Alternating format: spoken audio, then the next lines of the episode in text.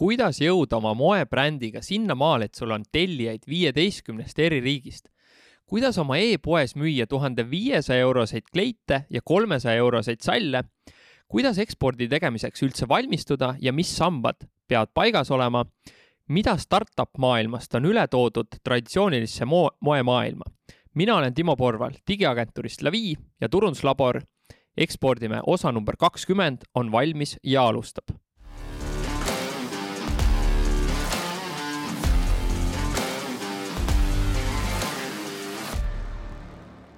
täna on külas naine, kes alustas rõivaste valmistamises kuue-seitsmeaastaselt ja on terve elu unistanud enda moebrändist. jah, ta on oma unistuse teoks teinud ja julgeb järjest suuremalt mõelda. kolmkümmend kaks protsenti nende käibest tuleb täna läbi ekspordi, koguni viieteistkümnest erinevast riigist ja palju just USA-st ja Kanadast. tema kleiti kannab ühe miljoni Youtube'i jälgijaga Anna Pei ja videot, kus tema valmistatud kleit seljas on, on vaadatud üle kuue koma kolme miljoni korra. tema kirge ja vastutustunnet näitab see, et ta on viiskümmend kakskümmend kuus tundi jutti teinud pruutpaari riideid, et need õigeks ajaks valmis saada. ma tõesti ei tea, kuidas see võimalik on, sest ma nägin kaitseväes hallutsinatsioone juba peale neljakümmet tundi, aga noh, naised ongi tugevamad. talle meeldib ennast maha laadida joostes. jess, ta on minuga samas pundis. ta ehitas brändi ja, eksporti üles ka siis, kui kui tulid lapsed ja käis tööl beebi kõhul ja lapsehoidja kaasas. no mida naist. saadan siit veel tervitused tema elukaaslasele Raido Pikkarile Thorgate'ist, kes võttis mu oma tiiva alla ja tegi algusaegadel minuga kolm ülivajalikku mentorsessiooni, millest sündis Lavi ehk siis katus, mille alla kõik koondus. Äh, määrasin, et alla kahekümne euro ma töid enam ei tee ja võtsin kasutusele Dogli, mis on minu jaoks kõik äris muutnud ja millest ma räägin üheksakümmend protsenti oma koolitustest. Mari-Liis Pikkar Marimust, tere tulemast podcasti Ekspordime tere tahad sa siia midagi täpsustada, parandada, muuta? Mm, tead, ei oskagi, palju äh, ägedam on kuulata, kui teised nagu võtavad su elu kokku nii-öelda mm. -hmm, et ei pea ise kogu aeg äh, presenteerima ettevõtjana ennast ja, teistele. kes ma olen ja mis ma teen, jah, just aga ikkagi ma tahaks natukene siis äh, ülevaadet Marimust, et mis te olete, kes te, mida te teete? Äh, Marimo on siis loodud äh, enesekindlale ja eneseteadlikule naisterahvale äh, ja ta on luksusmoebränd, selles mõttes, et kindlasti meie toodet ei su suuda endale lubada igaüks, aga, aga see on nagu olnud teadlik valik, sest ma tahan pakkuda ainult parimat kvaliteeti. et, see ei ole kindlasti kerge nišš, mul on isegi turundusinimene paar korda öelnud, kas see nagu natuke lihtsamat sektorit ei oleks tahtnud võtta, aga ma ei suudaks teha midagi, mida millesse ma ise nagu ei usu või mida ma ise kanda ei tahaks, et ma olen kõik oma tooted tegelikult teinud lähtuvalt sellest, mis mulle endale meeldib, mida ma ise tahan kanda ja enamasti enda peal ka tegelikult testinud, et, et kuidas ta nagu toimib ja, ja kaua ta vastu peab. mida see tippkvaliteet sinu jaoks eh, tähendab? Nende rõivaste puhul? Äh, see tähendab äh, seda, et kõik õmblused on väga perfektsed, väga sirged, et äh, ma tegelikult olen ajas kogu aeg tehnoloogiaid ka parandanud ja parendanud nii-öelda, et äh,, et ma ikkagi teen oma rätsepate tiimiga siis igapäevast koostööd, et kuidas nagu asjad võiksid olla lahendatud nii, et need mulle meeldivad, eks ju. ja, ja toode peab seestpoolt olema ka sama ilus kui väljastpoolt ja vahel isegi seestpoolt võib-olla on ilusam, selles mõttes, et kui väljast on äh, minimalistlik disain, siis sees võib olla mingi väga äge voodervärviline natukene või midagi taolist, eks. ja, ja muidugi aspekt, väga tähtis aspekt on kangad. et äh, mulle meeldivad äh, võimalikult naturaalsed materjalid, et äh, nad lasevad kehal hingata reaalselt ja meil ongi kõikides toodetes on siidivooder, eks ju, et see on sul naha vastas ikkagi väga-väga mõnus.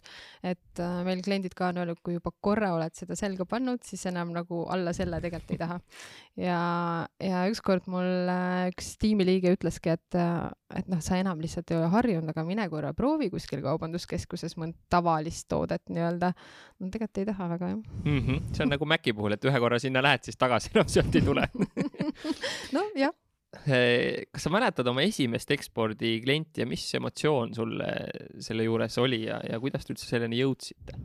Ehm, ja ma mõtlesin selle peale, tegelikult äh, esimene ekspordiklient oli palju varem, kui meil see eksport nii-öelda suurelt nagu käima läks. et see oli kaks tuhat seitseteist aasta lõpp, kui me tegime Anu Laitilale Soome presidendi vastuvõtule õhtukleidi. see oli Soome sada vastuvõtt, väga palju äh, inimesi, ma arvan, kaks tuhat pluss ja ta oli siis äh, järgmisel päeval äh, aasta Sanomati esilehel äh, üks parimast kleidist nagu, mis kuus tükki olid välja toodud, et oli siis seal kuue hulgas nagu. ja, ja sellest siis rääkis jah, nii Soome meedia kui Eesti meedia, eks, et see oli nagu väga-väga äge ja ta oli tegelikult selleks ajaks juba meie püsiklient. et see ei olnud nii, et me esimest korda tegime, eks ju. et äh, et see oli sihuke väga äge tunne, vaatad, et sa oled nagu kuskil mujal maailma meedias nii-öelda nagu mitte ainult Eestis aga, aga muus osas on see, et pigem need ekspordikliendid on nagu kõik tähtsad ja, ja olulised, et see ei ole see, et ma võtan ühte inimest kuidagi tähtsamalt kui teist. ja, ja pigem nad ongi aja jooksul muutunud sellisteks äh, natuke nagu rohkem sõpradeks juba või et sa nagu suhtled nendega vabalt, eks ju. ja, ja ma mäletan väga hästi seda, et kui meil see esimene nii-öelda pauk siis käis, eks ju, et vaatan, et mis toimub, et Instagramis lihtsalt tuleb follower'i juurde kommentaare nagu mis, mis üldse nagu toimub, et mingi õhtune aeg oli ka, onju, ja ei olnud midagi sellist, noh, nii-öelda planeeritut, onju. ja, ja tegelikult see oli siis see hetk, kui Anna Pei oli postitanud äh, pildi meie kleidis oma Instagrami kontole ja, ja sellele siis järgnes äh, tõesti noh, väga hea tunne oli järgmisel hommikul, et noh, et ma olen nagu seda tahtnud, on ju, seda soovinud ja see hästi-hästi hea nagu tunne, et tahakski kohe minna ja kallistada kedagi, eks ju, et noh, kõik nagu kuidagi läks iseenesest, on ju nii-öelda. Ja, ja tegelikult sellele järgnes siis ööd ja päevad, noh, sihuke magamata tunde, selles mõttes sa lihtsalt vastad klientidele, neid päringuid oli lihtsalt nii palju.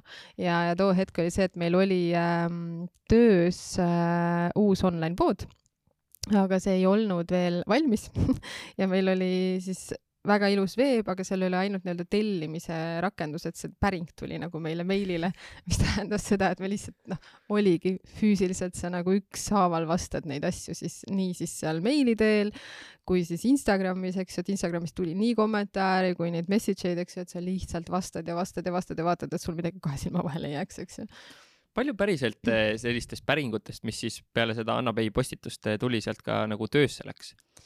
Äh, no esimese hooga ei läinud nagu väga palju, et mul on nagu kuidagi meeles, et äkki kohe läks niisugune neli tellimust, aga noh, meie jaoks, kui me ei olnud seda teinud, oli see juba nagu noh, väga äge, eks ju. ja tegelikult üks tellimus oli kohe ka väga suur ja väga eksootilisse kohta Taiwan'i ja, ja see oli tõesti niisugune mingi kolm pool tuhat eurot kohe nagu esimene wow. asi, nagu see oli nii, et vau wow,, onju. ja noh, selles mõttes, kui ta kätte sai, siis ta tellis kohe veel. et noh, selles mõttes noh, täpselt see, et talle nagu meeldis, ta oli rahul ja ta suhtles ja, ja noh, meilivahetused olid küll pikad, aga, aga see ongi see, et sa annadki reaalselt inimesele nõu, mis ta vajadus on, mida ta soovib, mis on ta, ma ei tea, kahtlused näiteks, eks ju. et, et ja noh, selles mõttes oli ka tore selliste natuke äh, vähesema arvu tellimustega tegeleda algul, sest oli vaja paika saada kõik need transport ja logistika, noh, kuidas need asjad sinna jõuavad, on ju, mis on need mingid lisatasud, asjad, kõik see osa ka nagu, et me, meil ei olnud ju seda varem vaja, et siis sa hakkad tegema, kui sul on seda vaja reaalselt. ei kõla väga lihtsalt kõik selle asja nagu logistikaahela paikapanek. ei, absoluutselt mitte jah, et selles mõttes äh, tänaseks meil on äh, partnerina UPS aga, aga noh, sinna jõudmine võttis nagu aega selles mõttes, et kui sa ei ole eksportinud, siis keegi ei tee sulle väga head hinda, samas kliendi käest sa ei küsi kakssada eurot selle eest, et ta selle toote kätte saaks, eks ju, et tema tahab noh, tänapäeva maailmas mingit normaalset, noh, kakskümmend viis euri näiteks on ju, maksabki mm -hmm. niimoodi. et, äh, et selles mõttes ja väikeettevõtjal on hästi raske saada neid häid diile, sest su kogused ei ole massilised nagu suurtel e-poodidel, eks mm. -hmm. kuidas see Instas vastamine käib, saadad sa voice'e, teed sa videoid, eh, lihtsalt kirjutad, mis see selline hea suhte loomine sinu jaoks on või kuidas sa seda teed? Mm, Instas ütleme see Mm, suhtlus rohkem käib nagu sõnumitega, et me kirjutame, aga väga palju me teeme videosid ikkagi sinna story desse, eks ju, et seal ma küll nagu räägin ja nii, et aga samas on ka neid hetki, et sa, noh, olengi reaalselt jooksmast tulnud just ja siis klient helistab Whatsappis videokõnega, siis sa mõtled, mis ma teen, et kas ma vastan nagu, ise olen siuke räsitud, higine või ma nagu jätan vastamata ja äkki kaotan kliendi, onju, et noh, aga samas noh, ma pean ka nägema vastav välja, eks ju, moesektoris, et siis ongi siuke, et nagu no okei okay,, helista, aga ma käisin just jooksmas, et siis oled kursis, onju.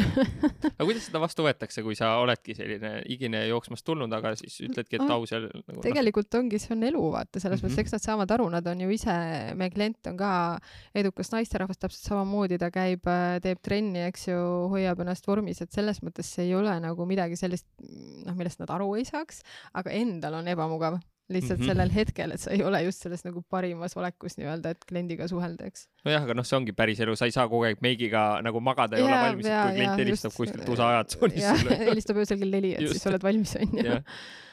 kuidas selle Anna Peile selle kleidi müüsite, et see ei olnud mingi influencer'i deal, ma saan aru, et ta ikkagi reaalselt ostis või äh,? ja see jõudis meieni kuidagi nii, et äh, et äh, tegelikult see oli äh, lõppkokkuvõttes ikkagi selline influencer'i deal, aga ma ise ei olnud väga too hetk seda influencer'i usku nagu selles mõttes, et mulle tunduski, et meie brändiga see on keeruline natukene, et see toode on kallim ja neid influencer eid tegelikult, äh, kes meie sektoris nii-öelda või meie levelil nagu toimetavad, ongi väga-väga vähe.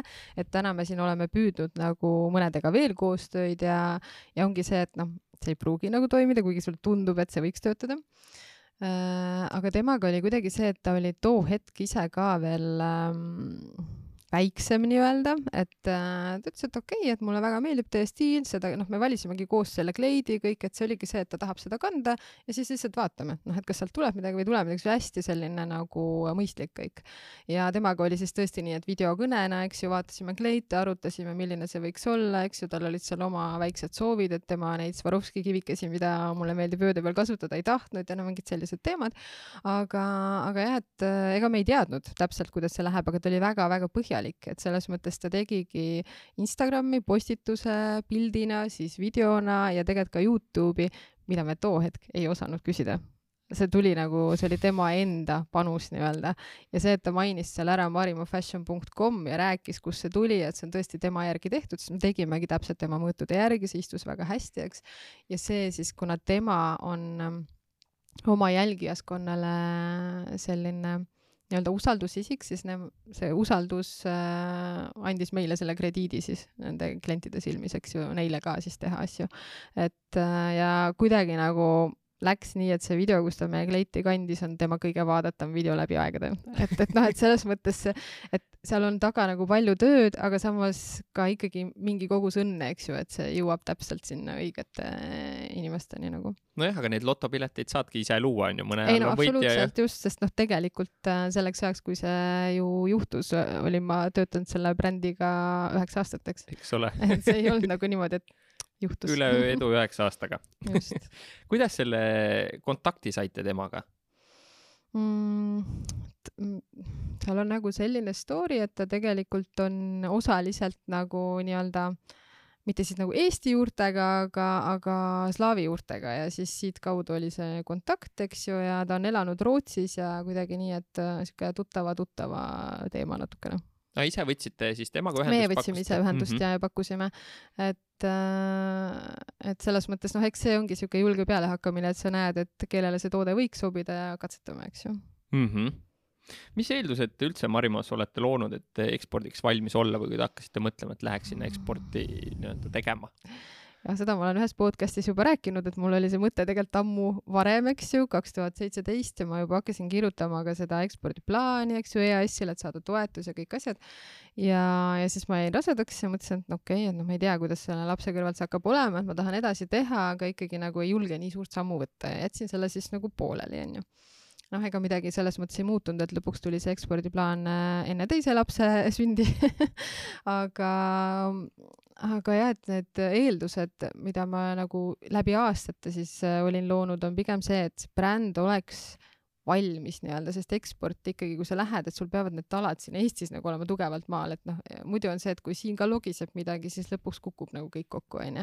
ja, ja noh, see on äh, üks niisugune, ma arvan, võib-olla nagu õpetussõnad või, või mis meil olid Raidoga nagu omavahel äh, arutletud, et, et noh, nii peaks nagu olema, et ei ole see, et näiteks täna ka vahel küsitakse, et oh, miks te meesterõivaid ei tee, eks ju. no me teeme mingil väiksel nagu määral, eks ju ülikonnad näiteks pulmadeks äh, peigmehele, aga kui ma võtaks selle suurelt ette, siis see on hoopis teine asi, see on hoopis teine liin, eks ju, ja kui sa hakkad teist asja ajama niimoodi, et sul see esimene näiteks ei ole piisavalt tugev veel, noh siis äh, sa võid kõik ära rikkuda, eks ju. et selles mõttes jah, et ma olin loonud nagu seda nii-öelda süsteemi siin, et Eestis nagu toimiks, klientuur oleks olemas ja, ja selle pealt, kuna eksport alati nõuab investeeringuid, et siis äh, lihtsalt, et sul on see sissetulek siit Eesti piirkonnast nagu olemas, eks ju. Äh, ja, ja ka see, et äh, ma arvan, et asjad juhtuvad lõpuks teatud mõttes nagu õigel ajal, et meie väga suur niisugune eelis, no nii Eestis tegelikult kui ka ekspordil on made to measure teenus ja kui mul ei oleks piisavalt tugevat seda rätsepate tiimi täna, siis me tegelikult ei saaks seda pakkuda, eks ju. et kõik need asjad on omavahel seotud ja, ja no algul ma ju õmblesin, tegin ise, eks ju, et ma olen selles väga tugev, aga noh, kui palju sa teed, kui sa pead samal ajal kliendiga nagu suhtlema. see ongi viiskümmend kaheksa tundi sessioonis jutti onju. just, jah, et ja noh, too hetk oligi see, et sellesama viiekümne 50 kuue tunni pealt, siis ma otsustasin, et ei, nüüd ma palkan rätsepa aitab mis need talad veel sinu jaoks olulised on, mis siin koduturul peavad nagu paigas olema ja korras, et siis nagu minna, et sa ütlesid, kliendibaasi tõid. Äh, kliendibaas, eks ju, noh, meeskond äh,, kindlasti turundus, et sinna me oleme ka noh, tõesti väga-väga palju panustanud just viimased äh, kaks ja pool aastat, eks ju. et ähm,, et äh, jah, et sul jookseksid nii-öelda need kõik äh, Äh, reklaamid, asjad sotsiaalmeedias, eks ju, et sa oled pildis, et sind nähakse, et, äh, et meil oli hästi hea tagasiside klientidelt, äh, see oli eelmine aasta siis juunis, peale seda, kui see esimene koroonapuhang oli nii-öelda nagu läbi saanud, saime oma esimese ürituse teha üle pika aja, siis kliendid ka tõid välja, et issand, te olete nii hästi pildis, et nagu teisi me praktiliselt ei näegi hetkel onju, aga teid me nagu kogu aeg näeme, eks ju. et see oli ka tegelikult hästi teadlik otsus kasutada ära seda momenti, kus noh, kõigil oli selline ehmatus. just ja mul oli ka esimest tund aega. Ja siis me otsustasime, et okei okay,, meeskonnakõne, kiirelt reageerime, eks ju, ja hakkasime nagu siis tegema noh, kõike põhimõtteliselt, ka neid asju, mida me olime mõelnud ja edasi lükanud, eks ju, et ma käisin ise suure kõhuga, ma olin seitsmendat kuud rase vist, kui see koroona teema tuli ja ma käisin siis suure kõhuga vanalinnas, kus ühtegi inimhinge polnud, läksin läbi vanalinna butiiki, filmisin videosid, kuidas meie asju kanda, kuidas teha stilistikaid, onju. et, äh, et me olemegi jõudnud sinna, et hästi tähtis on äh, mitte siis oma toodet nii-öelda lihtsalt müüa, vaid sa pakud kliendile kogu aeg lisandväärtust, miks ta minu toodet peaks ostma, eks ju. ja see on nagu väga hästi toiminud tõesti, et need stilistikad ja need mõtted, kuhu kanda, et näiteks seesama seelik, mis mul täna seljas on, see oli esimene video, mis ma siis selle suure kõhuga seal tegin, eks ju, too hetk eelmine kevad. Ja kui enne oli inimestel kuidagi arvamus, et aa, see on nii pidulik, kuhu mina sellega lähen, eks ju, siis ma näitasin, ma ei mäleta, võib-olla kümme-viisi, rääkisin juurde, kuidas kanda, müüsime kõik ära. kõik, kanga, kõik, mitte midagi enam just, ei saa. hari, aita, näita kliendile lihtsalt. et, et see ongi see, et sa pead lihtsalt äh, klienti suunama, sest tal ei ole endal aega mõelda, et kui me mõtlemegi, et meie klient on niisugune väga intensiivse ja kiire graafikuga naine, tal on ju enda see töö ja enda pereelu, mis on tema jaoks kõige olulisem, et enamik neist ei surfa öösel, ei mõtle, et nagu millega ma võiks seda kanda või kuidas homme võiks välja minna, et see on tegelikult see nišš, mida siis nende jaoks noh, saab nii-öelda koju kätte viia, eks. Minu arust sa oled ka nende riietega tõesti nagu, nagu Lego klotsid naiste jaoks paika pannud, et see on hästi funktsionaalne, et sa võtadki selle ühe nii-öelda kleidi, saad kanda seda mitmes erinevas mm -hmm. variandis, on ju mm -hmm. kontsakingaga ka täitsa tavaolukorras, et see on minu arust nagu väga geniaalne lähenemine. ja, ja see on, mõte on tegelikult olnud algusest peale, siis kui ma alustasin, eks ju, kaks tuhat kümme, et ma olengi selle järgi teinud, et et ma saaksin selle tootega minna tööle, siis saan pärast minna peole edasi, natuke midagi seal stiliseerin või muudan, eks ju, mingi väikse aksessuaariga ma olen seda kogu aeg, see mõte on olnud, aga turunduslikult ei tulnud see varem nii hästi välja, et nüüd me oleme leidnud selle nagu õige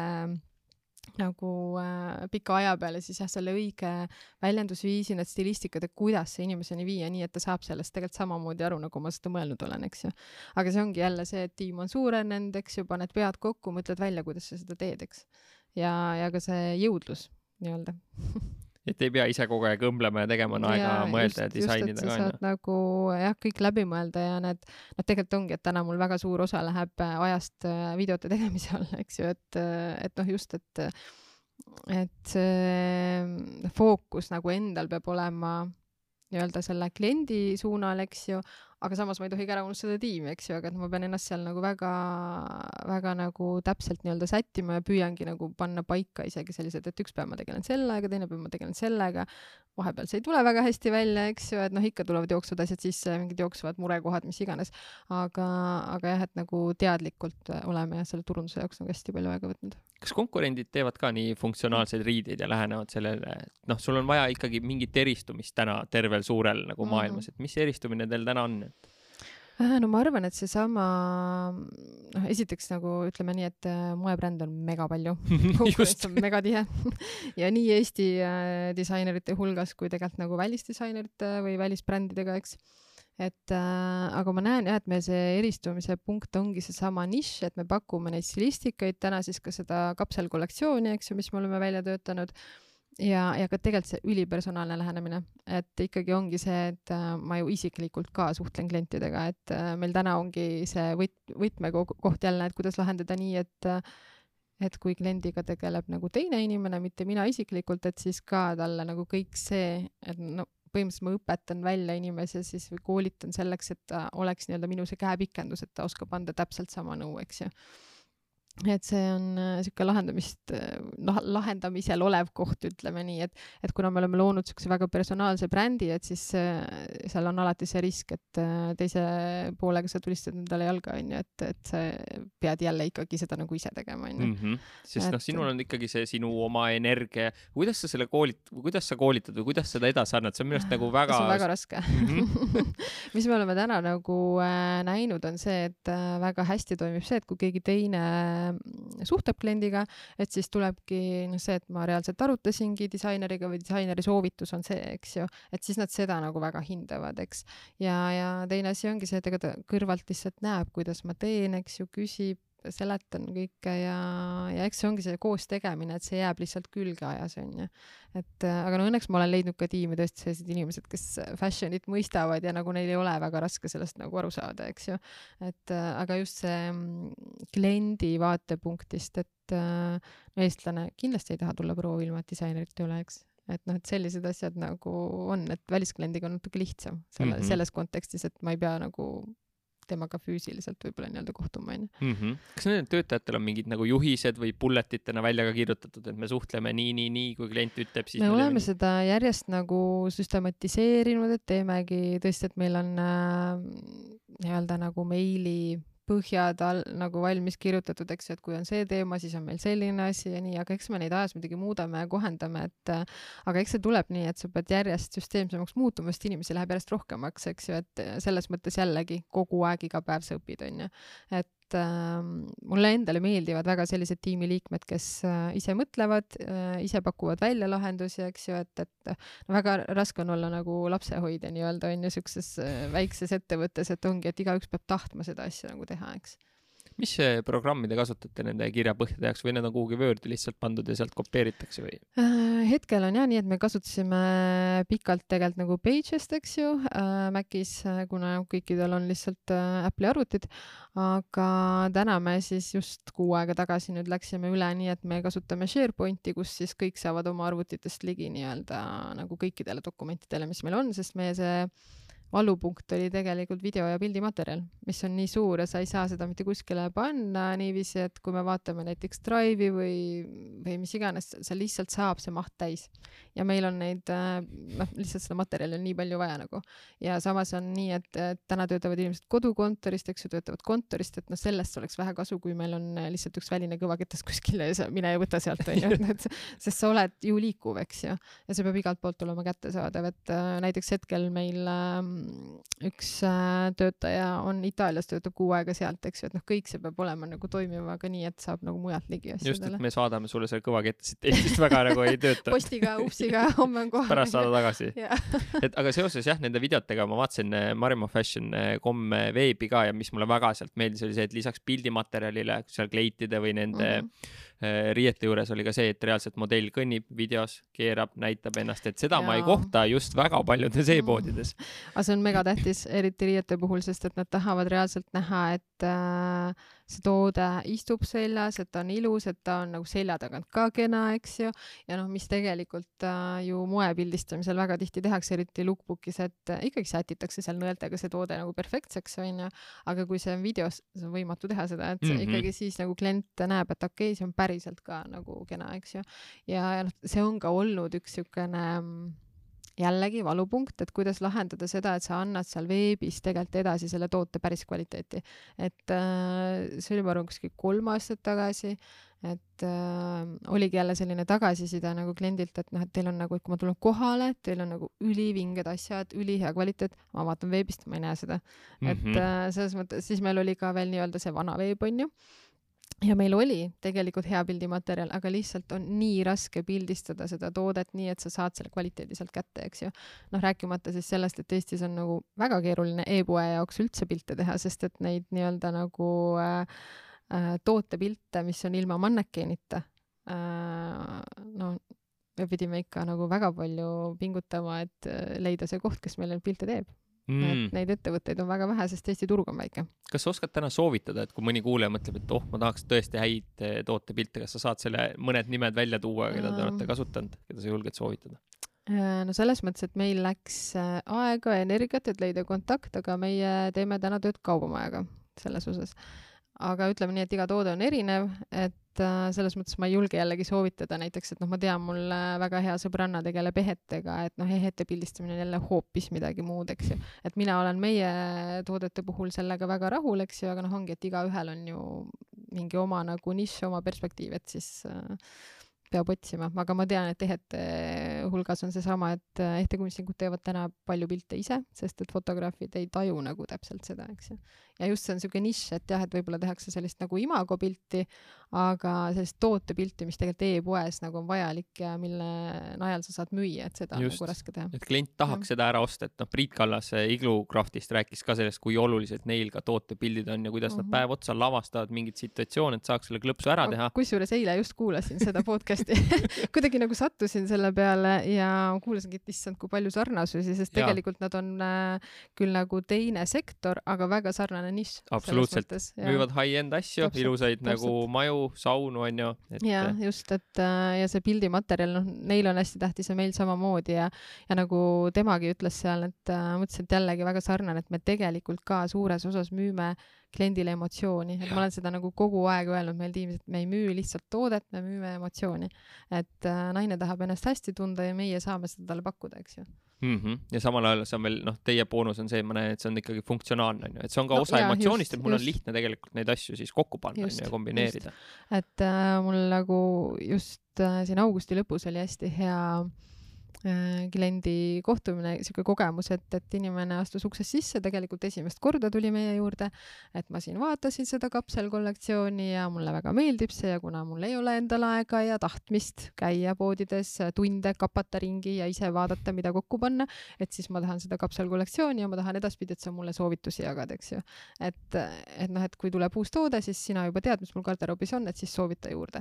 et ja see ongi see, mida ma nagu tahan pakkuda, sest ma tean, et et äh, kliendil pole selleks aega ja ta ka ei pea sellega tegelema ise, et me suudame ju selle tema eest ära lahendada mm. -hmm. sa lahendad jah, ühe kliendi mure tegelikult veel ära, onju. just, just. mis see, mis see kapselkollektsioon äh, üldse on ja kuidas nende müük e-poodi mm, -hmm. e-poest täna läinud ja üldse siit äh, nii-öelda stuudiost ka? Äh, see on tegelikult väga hästi vastu võetud, et äh, selleni me jõudsimegi ka jälle kogu neid stilistikaid asju tehes, et tegelikult ju saab luua kogu selle garderoobi, et meil hakkas see pihta sellest, et me näitasime, no vahetult enne koroonat onju äh, siis veebruari lõpus oli meil butiigis üritus ja näitasime siis reisimiseks nii-öelda seda kapselgarderoobi, eks ju, et kui sa lähed nagu kas kaheks-kolmeks päevaks või sa lähed viieks päevaks, et noh, et kuidas võimalikult väike kohver kaasa võtta, et kuidas sa saad võimalikult väheste toodetega luua võimalikult palju lukke, eks ju ja sealt hakkas see asi nagu kerima, siis ta natuke aega settis, selle reisi asja pidime ju kohe nagu mõttest välja viskama, sest et reisida enam ei Just. saanud, onju. ja, ja siis kuidagi eelmine aasta, jah, seal aasta lõpuperioodil nagu mõtlesime, arutlesime ja, ja siis tuli kuidagi ühiselt selline see mõte, et see oleks tegelikult nagu väga hea kontseptsioon, mida nagu luua, eks ju, mis lahendab selle probleemi ja, ja see on tegelikult nagu ülihästi vastu võetud. Selles mõttes, et ma arvan, et seda ei osatud oodata nii-öelda ühe nagu moebrändi poolt, sest seda tavaliselt pakuvad stilistid, et ta pakub sulle selle lahenduse, et paneme sulle selle kapselgarderoobi kokku. Ja see, kuna see on maailmas nagu tegelikult päris sihuke teada termin on ju, Eestis pigem vähem, et siis just välisklientide poolt tuli nagu väga hea tagasiside ja esimesed ostud tulid just välismaale või noh, esimesed müügid siis meie poolt vaadatuna, eks ju.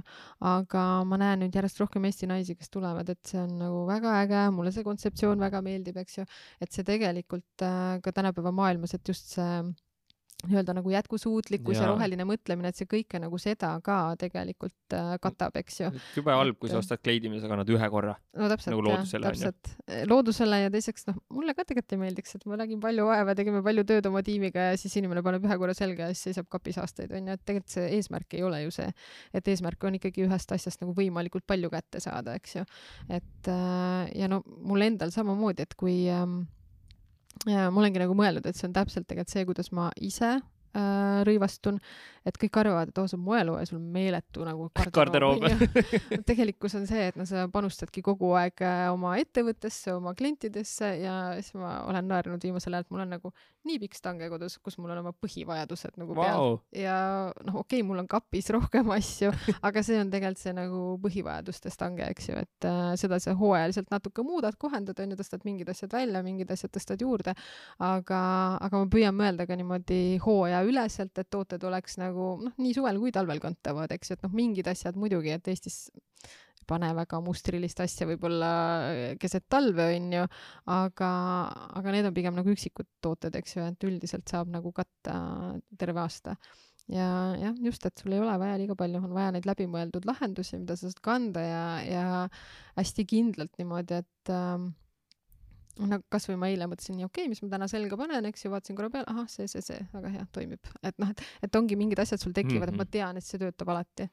Ma tõesti nüüd hoian pöidlaid, et meestel hakataks ka neid kapselkollektsioone tegema, et mu elu lihtsam oleks, aga tegelikult noh, ma olen enda garderoobi koos elukaaslasega samal põhimõttel üles ehitanud, tegelikult on mingid kindlad asjad, mis sobivad kokku, ilma et ma peaks väga palju mõtlema ja tegelikult nagu läheb, onju. jaa, sest sa jääd ikkagi kandma neid mingisuguseid Jah. kindlaid asju, et Just. isegi kui sul on kapis väga palju asju, siis kõik asjad ei tööta tegelikult mingi stange mingi stange osa peal on ikka vähe rohkem tolmu, noh. kuidas te enda turge olete täna valinud, et eh, nii teeks nüüd ekspordi, kus ma neid Facebooki reklaame näitama hakkan või kuhu te kohale lähete Mhm. või kuidas see nagu loogika täna teil on? no ütleme niimoodi, et äh, kui need päringud hakkasid tulema, me ei valinud midagi, need tulid sealt, kus inimesed nagu otsustasid, eks ju, meiega ühendust võtta, et tõesti äh, need jälgijaskond äh, või noh, jälgijaskond ongi meil täna nagu noh, ma ütlen, et USA-st Austraaliani, eks ju, et ähm, et selles mõttes me ei ole nagu valinud niimoodi, aga nüüd me oleme ise seda siis nagu nii-öelda ära kasutades tõesti hakanud valima, kuhu me sihime oma reklaame, et ähm, täna me oleme kuna riigid on suured, siis sa pead valima seal isegi nagu ütleme ju mingisuguse regiooni ja siis sealt veel nagu väiksemaks minema, valima selle nii-öelda mm, meie nii-öelda siis nagu kliendi äh, ütleme need tegevusalad ja kõik asjad, et see on nagu nii spetsiifiline ja tegelikult sa pead võtma suht väikse ringi, sest muidu see reklaam jällegi ei jõua või see budget tuleb nii suur, et sa ei suuda seda lihtsalt kinni maksta, onju et täna me oleme püüdnud võtta selle põhiselt, kus meil siis kliendid on tellinud ja sinna siis nagu suunata nii-öelda onju. aga kuna USA näiteks on nagu megasuur turg ja meil on üle nagu riigi neid tellimusi, siis on väga raske valida, et täna me oleme ikkagi pigem proovinud Euroopas siis äh, äh, väiksemaid äh, riike onju, et näiteks siin üks hea näide on Luksemburg, eks ju, et seal saab nagu suhteliselt hästi niimoodi nagu kokku tõmmata ja siis me katsetame ja vaatame praegu, et mis nagu töötab, onju et äh, ja noh, muidugi meil on, ütleme Eestisse on ka kogu aeg ikkagi hetkel reklaamid nagu üleval, et äh, kuna Eesti klienti tuleb ka ikkagi kenasti juurde, et ei ole see, et oleme saavutanud selle kõik siin turul ja rohkem kliente ei ole, eks ju, et selles mõttes ikkagi nagu äh, nii-öelda raud on tules nagu mõlemal, mõlemal suunal onju. palju ekspordi sihuke turunduseelarve teil täna on, mis sinna reklaamidele läheb üldse kokku? circa suurusjärku lihtsalt. Äh, see jällegi nagu nüüd me oleme seda muutnud järjest äh, konkreetsemaks, eks ju, et meil täna on selline ütleme kolm koma viis protsenti käibest, mida me üritame hoida niimoodi üldse nende turundusreklaamide peale, eks ju, et äh, natuke siia-sinna ta vahepeal kõigub, aga oleme nagu suht ära fikseerinud. mm. -hmm. see on kolm koma viis prossa siis, nojah, just. Sa korra mainisid seda, et kui te hakkasite, et eh, ekspordi peale mõtlema, siis te taotlesite EAS-ist toetust uh. -huh. mille jaoks te seda toetust küsisite või mis sellega plaan teha oli? ja sellega oligi nii, et see lõpuks jäi, eks ju, sinna kaks tuhat kaheksateist lõppu, kui me selle taotluse tegime, kaks tuhat üheksateist algul jah, kaks tuhat üheksateist algul jah, me saime selle kinnituse, et me oleme selle saanud, onju. ja, ja tegelikult algne see mõte oli ikkagi messidele minna, et näed, sealt leiad siis selle edasimüüja ja selle kaudu arendad eksporti äh,. siis ma põhimõtteliselt esimese messi käisin ära mm,. see oli äh, kevadel seal kaks tuhat üheksa, teist, eks ju. ja, ja see oli pulmamess, mulle tundus, et seda pulmasuunda, et kuna meil järjest rohkem nagu arenes, ütleme, pulmakleitide müük on ju, et see on selline ka nišš on ju, mida on hea mm, -hmm. hea mhm. nagu edasi viia käisime seal Saksamaal messil ja, ja tegelikult hästi paljudelt tuli tagasiside, et noh, te olete nagu veidi vales kohas onju, et peaksite olema Barcelonas, kus on see nagu kõige uhkem nii-öelda pulmamess onju noh, ma ei jäänud siis nagu kauaks ootama, see nii-öelda pulmamess Barcelonas oli kuu aja pärast, onju, ostsime piletid, läksime perega, noh, ühendasime jällegi puhkusega ja ma käisin siis selle messi läbi, et vaadata, et kas on meie jaoks nagu õige koht, onju. sest selle Saksamaaga oli täpselt nii, et ta tegelikult nagu tundus meile sobiv aga sa saad ju kohapeal tegelikult aru lõpuks mhm. onju mm -hmm. ja, ja meil tagasiside oli ka edasimüüjatelt see, et noh, et liiga kallis toode on, et äh, nemad ei suuda seda nagu müüa onju. et äh, noh, edasimüüjad see murekoht on see, et pannakse ju kuskil kakssada kaheksakümmend kuni kolmsada protsenti seal sinu hinnale juurde ja siis hakatakse müüma, eks ju, et noh, et selles mõttes, et noh, see hind tulebki suhteliselt absurdne onju ja, ja siis ma käisin Barcelonas ära, vaatasin, okei okay,, see on see koht, kuhu me tõesti võiks minna, eks ju, et seal tõesti nagu äh, väga tuntud ja tunnustatud disainerid üle maailma, eks ju, koos. et äh, aga siis tuli koroona mm, -hmm. siis me ei saanud minna ja mis tegelikult äh, ma arvan, et lõppkokkuvõttes oli meile isegi hea, sest see messi kulu on nagu meeletu. kakskümmend tuhat eurot on nagu see, mis läheb sinna alla, eks ju. selle eest saab Face'i reklaami päris korralikult osta. päris palju onju ja sa tegelikult ei tea, eks ole, et kas sealt tuleb tulemus või sealt ei tule tulemus, eks ju. et et, äh, et tihti on ka see, et edasimüüjad tahavad sind näha seal järjest nagu mitu aastat, et sa oled üldse nagu jätkusuutlik ettevõte. kui sa seal mitu aastat käid, äh, väike ettevõte, no maksad muudkui kakskümmend tuhat või isegi rohkem, onju, aga sinna suurusjärku, et siis sul peab iga kord ka olema veel uus kollektsioon esitleda, sest edasimüüjad on ju samad, kes seal käivad, onju. et, et noh, selles mõttes see kulu oleks olnud metsik, et äh, ma ütlen, et ausalt öeldes isegi võib-olla selles kontekstis oli hea, et tuligi see koroona ja me muutsime oma seda Äh, saime muuta, tähendab selle raames ka seda eksporditoetuse plaani, eks ju. et me saimegi kasutada selle raha reaalselt nagu turundustegevuste alla. et ja noh, see on, see on selle tulemusega nüüd toonud, onju.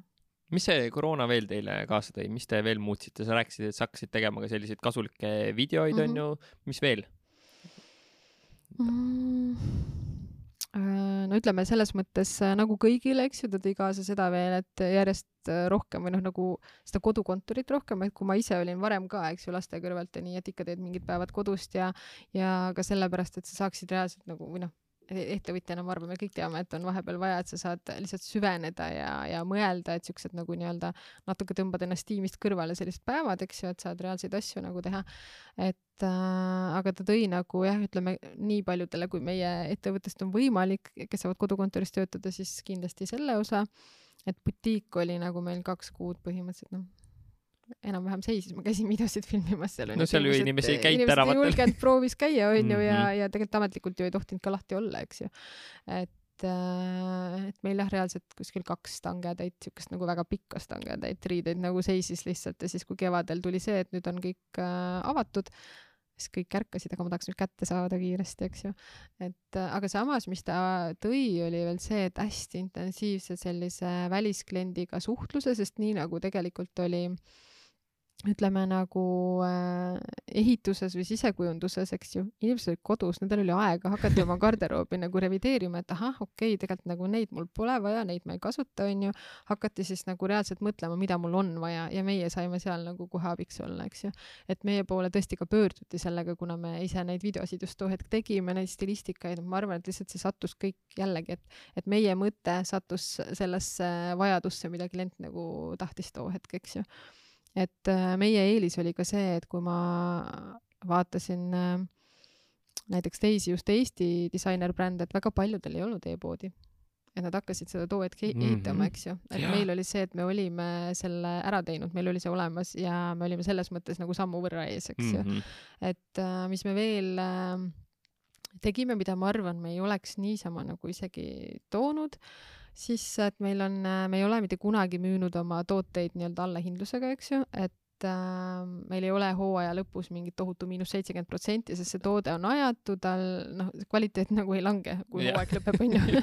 ja sa kannadki ju reaalselt äh, aastaid oma, oma asju, et siis äh, meil on ikka selliseid nagu üksikuid eksemplare jäänud varasematest kollektsioonidest, eks ja, ja me mõtlesime, et kuidas seda tuua niimoodi välja nagu online'i, et, et noh, tegelikult, et saaks ka välisklient osa, sest eriti ütleme näiteks Eesti püsiklientuur, nemad on ju aja jooksul neid asju näinud, eks ju, aga välisklient tegelikult ei ole mm. -hmm. ja, ja siis me lõime sellise sektsiooni oma veebi nagu Treasure Box.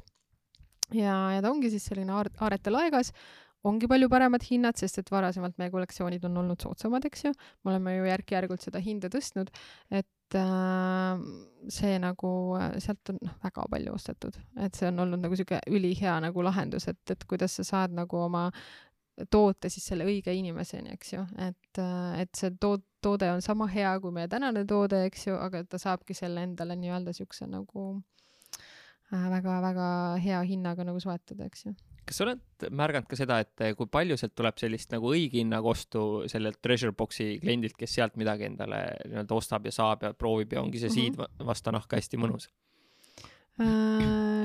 sa mõtled nii, et kes ostab esimest korda Treasure Boxist, et siis et kas, kas ta, ta pärast... tuleb nagu jah. päris kliendiks? tuleb ikka, jaa mm. -hmm. selles mõttes me oleme hästi aktiivsed ise, me kogu aeg suhtleme, hoiame klientidel kätt pulsil, eks ju, et, et Äh, selles mõttes ja nad tulevad äh, ja tegelikult isegi ma ütlekski, et kuna meil see klient äh, on pigem selline, et tal, tema jaoks väga ei ole see nagu hind nii-öelda nagu määrav, et siis see ei ole nagu tähtis, et kas see on lõpuks treasure box'i toode või mm -hmm. see on nagu nii-öelda tänase kollektsiooni toode onju.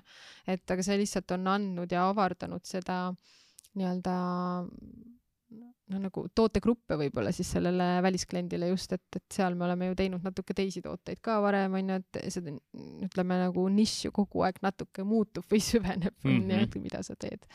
et äh, jah, täna on nagu tore, tore teada, et me oleme ikkagi seda nii-öelda tagantruumi, ruumi saanud nagu oluliselt tühjemaks meie aja jooksul nüüd.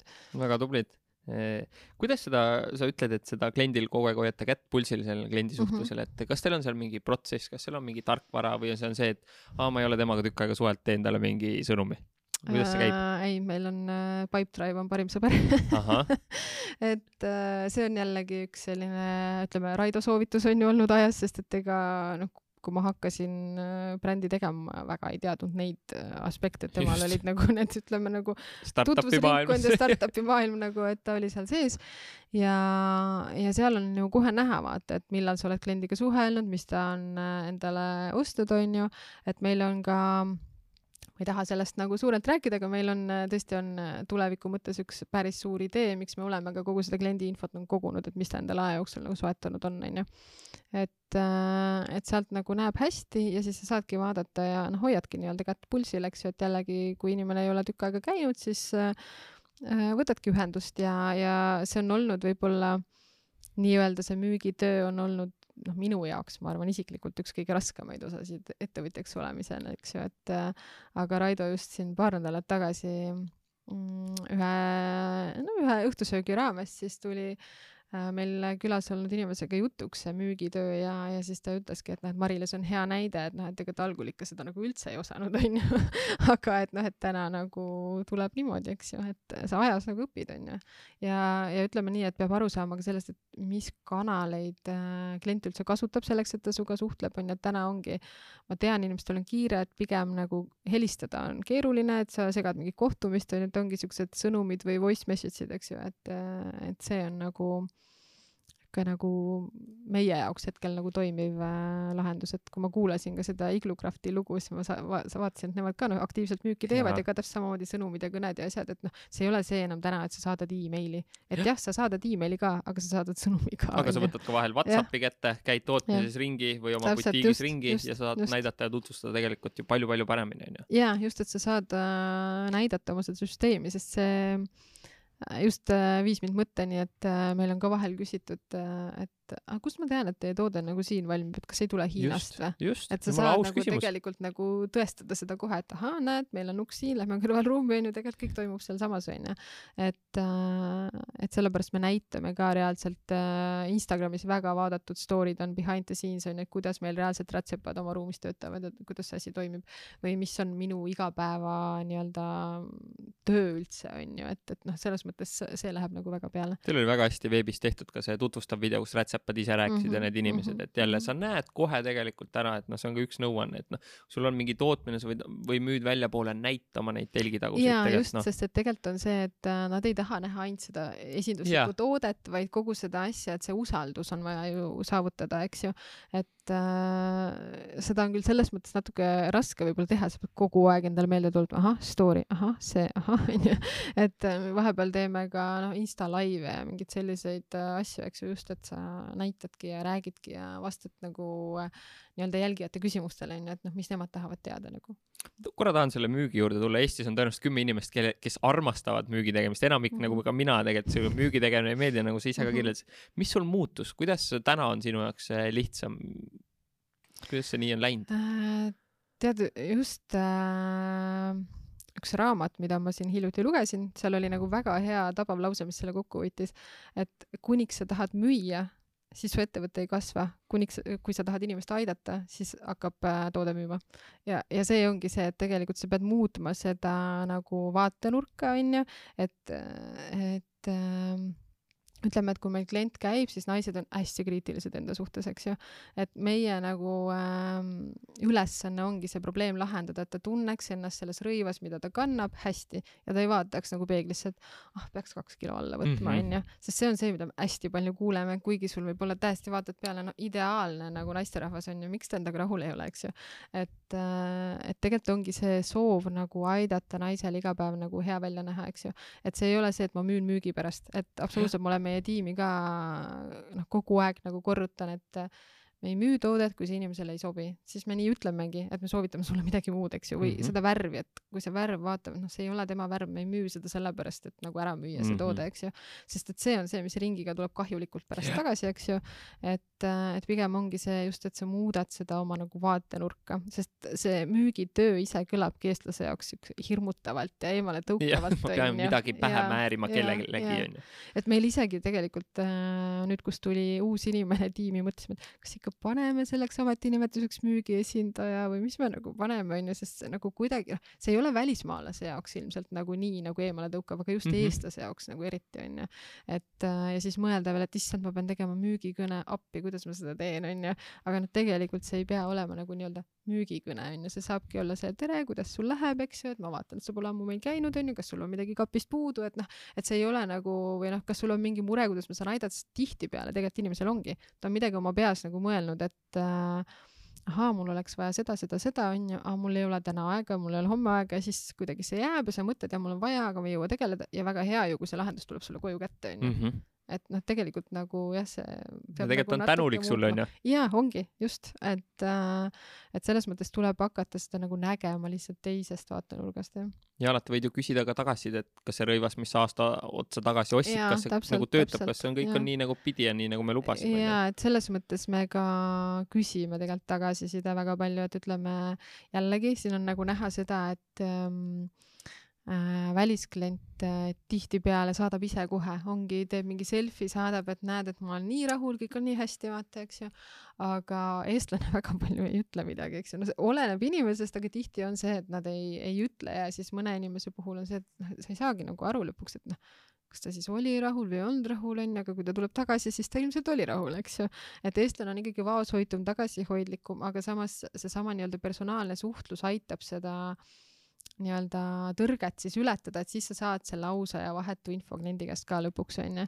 et äh, ja ma olen väga selline, et proovides küsin kogu aeg, kuidas on, kas saad liigutada, kas kõik on hästi, vaata onju, sest et noh, proovis me saame neid asju muuta, pärast on väga raske onju, pärast võib kõik lahti võtta mm. -hmm. et et, äh, et selles mõttes ja ma arvan, et kliendid äh, nagu ka ajas järjest rohkem hindavad seda, eks ju, et ongi see, et me vaatame reaalselt iga millimeetrit, mitte nii, et me anname selle toote, et ah, on okei okay,. sinu mure, jah, ole sellega mm. -hmm. jah, sest kuna on kallis toode, siis on selge, et inimene tahab saada ka nagu, et just, et see oleks seda väärt, onju, jah. kuidas te lähenete nendele klientidele, kes ei ole noh, tükk aega tellinud, mis see sõnuminurk näiteks on, kuidas te kirjutate, et vaatate Pipedrive'is kuus kuud ei ole suhelnud tead, see on hästi individuaalne, et äh, see oleneb väga inimesest ja mulle tundubki, et igat inimest peab nagu nii-öelda tunnetama sellest protsessist, sest ta ongi ikkagi personaalne nii-öelda ju lõpptarbijale müük, eks ju, et äh, see ei ole see, et aa, me tegime teile siin, noh, ma ei tea, kui ma räägin mõnest ettevõttest, tegime teile siin on ju rõivad aasta aega tagasi, et noh, äkki on läbi kulunud, et äkki oleks vaja uusi onju, et see päris nii nagu ei käi mm, -hmm. eks ju, ja me peame arvestama, et klient ju ostab ka muid tooteid onju. aga pigem ma olengi täna püüdnud nagu seda kaardistada nii, et äh, tal on need asjad nagu olemas, eks ju, mis tal siis võiks sealt puudu olla ja muidugi on meil alati äh, Äh, see, et kui tuleb uus kollektsioon, et siis on ka, et kui ma sealt näen, et midagi sobituks, on ju, et siis ma kutsun kliendi vaatama. ja, ja samas me oleme teinud nüüd ka nii, et no teemegi üritusi, nüüd jälle saab, on ju. inimesed saab jälle kokku tuua. et, äh, et siis äh, ütleme, meil just tuli ju välja sallide kollektsioon, eks ju, et siis me tegimegi selle ürituse selles võtmes, et me tutvustame, tutvustasime nagu erinevaid variante, kuidas saab neid salle kanda, et see ei ole lihtsalt see, et sa viskad selle salli kaela, sa võid selle siduda koti külge, võid siduda patsi sisse endale või noh, mis iganes on need erinevad äh, variandid, kuidas punuda, et kui sa teed sellist jälle nagu õpetlikus formaadis seda, eks ju, et see kõnetab inimest, sest et siis ta saab jälle mingi nipi, kuidas oma seda igapäevast nagu lihtsat outfit'i tuunida, onju. et jah, et, et jah, et nagu erinevaid aspekte on, kuidas me saame seda teha, onju, aga ma ütlen, et sa pead kliendist lähtuma jälle mm. -hmm mis teil on ekspordiga seotud siuksed suuremad äh, väljakutsed ja kõige keerulisemad ülesanded, kuidas te need äh, lahendanud olete?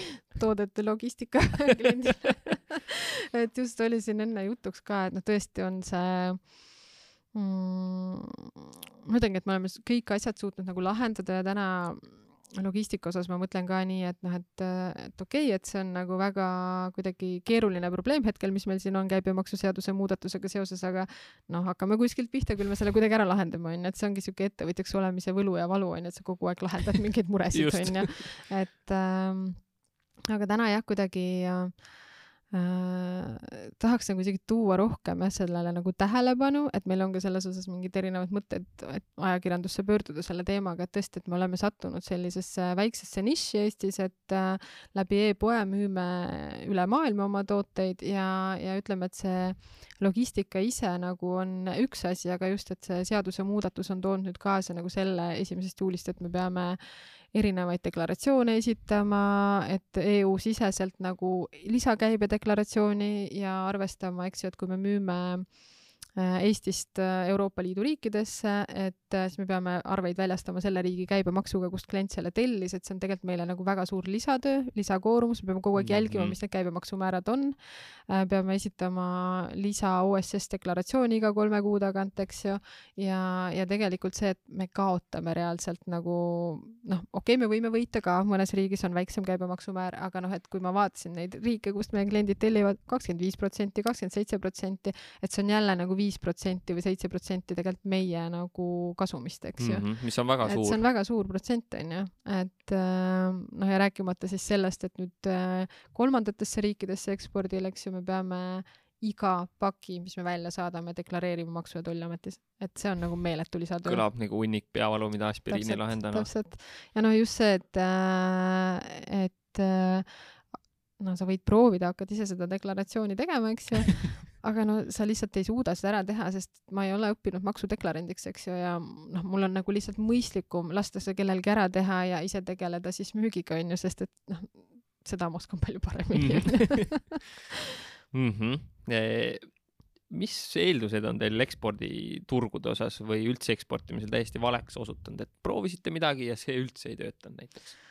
Äh, no just nimelt see messide osa, ma arvan, et äh, selle juurde, noh, ma isegi ei tea, kas see moemaailm nii väga nagu pöördub tagasi, kindlasti üritatakse teha, aga, ma arvan, et täna on äh, koroonaga seoses tõesti nagu muutunud see, et inimene tellib otse nagu brändilt või e-poest, eks ju. et äh, mida muidugi tahaks ikkagi on need äh, välis äh, edasimüüjad nagu teatud määral, aga see on täna hetkel tõesti nii, et vaatame, mõtleme, katsetame, sest ega me keegi ei tea, et kas siin pannakse veel kohad kinni või mitte, onju. et tegelikult ma saan aru, nagu edasimüüjad ei julge praegu isegi osta midagi, sest nad ei tea, kas nad saavad müüa või ei saa müüa, onju. et ähm, et jah, et see messide teema, et see tundub kuidagi siuke yesterday, et enam seda nagu ei tule, onju kuidas see edasimüüjatega, kuidas sa enda vaimusilmas ette näinud, et kuidas nende kaudu siis see müük käib, et te ju ise siin Eestis sätite paika ja mõõdud ja kõik, et kuidas see edasimüüjate protsess? no eks seal saaks olla pigem ikkagi see nii-öelda valmis toode suurusnumbris, mida me ju ka tegelikult müüme, eks ju, ja on mingi hulk inimesi, kes näiteks äh, ei julge tellida made to measure, sest et nagu nendel on kunagi mõne rätsepaga halb kogemus, et äh, see toode ei istunud hästi ja tema tahab osta suurusnumbri, sest siis ta näeb seljas ja siis ta teab juba, kuidas see nagu on, onju.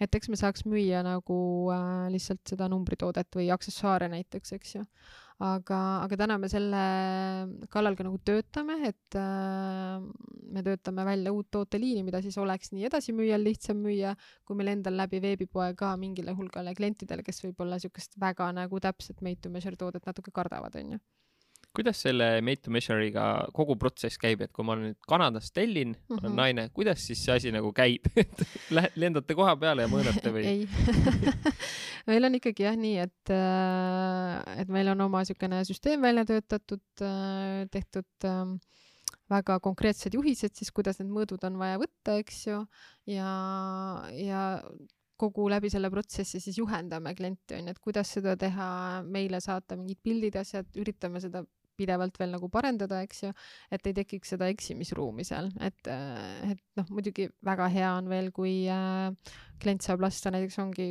kogenud õmblejal või rätsepal need mõõdud võtta, eks ju.